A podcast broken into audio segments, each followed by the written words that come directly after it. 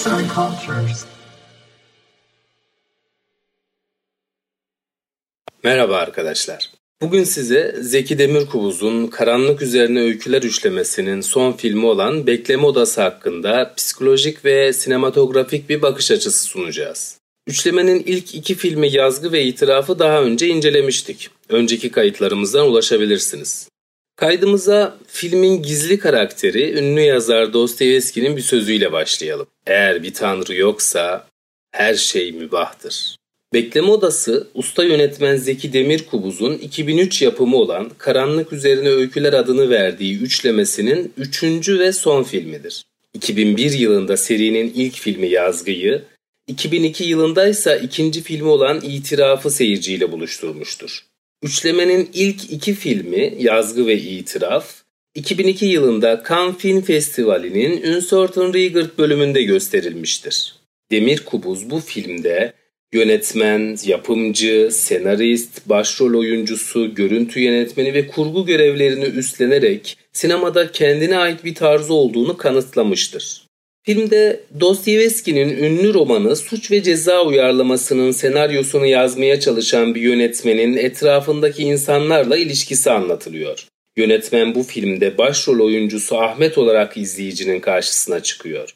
Film Ahmet'in senaryo yazmaya çalışmasıyla başlıyor. Başlangıçta sıradan bir adam gibi gözüken Ahmet'i oturduğu apartmana hırsız girmesi ve sevgilisiyle yaptığı kavgadan sonra yavaş yavaş tanımaya başlıyoruz.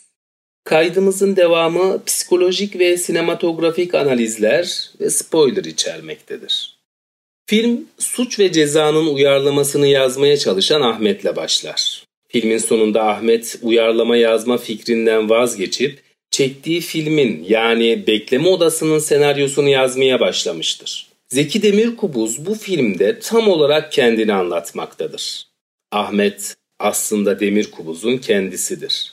Albert Camus ve Dostoyevski hayranlığıyla bilinen Demirkubuz, suç ve cezayı uyarlamaya çalıştığı sırada yaşadığı bunalımları ve etrafındaki insanlarla olan ilişkilerini bu filmde izleyiciye aktarmıştır.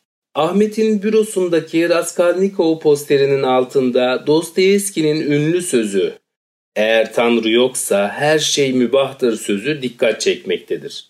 Filmin bir sahnesinde Ahmet'in ağzından sinema dinsel bir meseledir sözü duyulur. Sinemanın dinsel bir mesele olduğunu düşünen Ahmet için yönetmenler de birer tanrıdır. Filmde bu konuya birçok atıf bulunmaktadır. Ahmet'in etrafındaki öğrenciler ve hayranları onu adeta bir tanrı gibi görürler. Ahmet ise bu konuyla ilgili kendisini ağır bir şekilde eleştirir. Demir Kubuz burada yönetmenleri tam anlamıyla birer tanrı gibi gören insanları hatta insancıkları eleştirmiştir. Ve bu insanlarla birlikte sinemacıları da bir nevi yerden yere vurmuştur.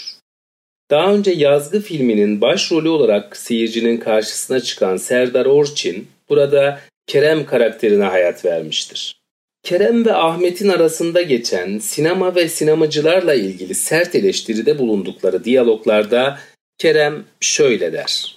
Sizinle yani sinemayı kastediyorum tanıştıktan sonra bencil, saygısız, her şeyi üstten gören bir insan olup çıktı. Sanki hiçbir şey ona yetmiyormuş gibi. Başka bir dünyanın insanıymış da bizi lütfen idare ediyormuş gibi triplere girdi.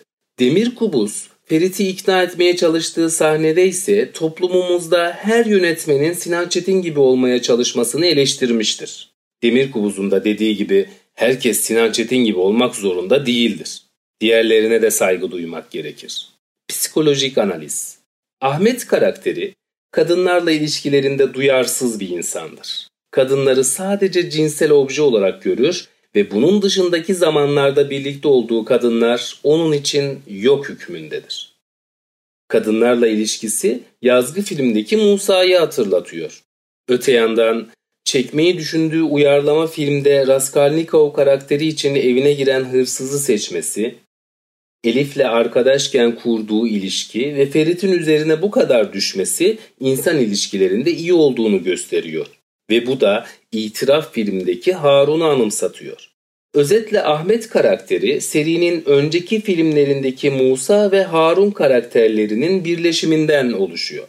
Yönetmen kendisini, sanatını, film yapmanın sancılarını ve film bittikten sonraki pişmanlıklarını anlatırken yan karakterlerle özellikle Elif ve Kerem aracılığıyla kendisine ağır eleştiriler yöneltiyor. Diğer filmlerinde olduğu gibi sade ve yalın anlatımı tercih ederek diyaloglar üzerinden hikayeyi işliyor.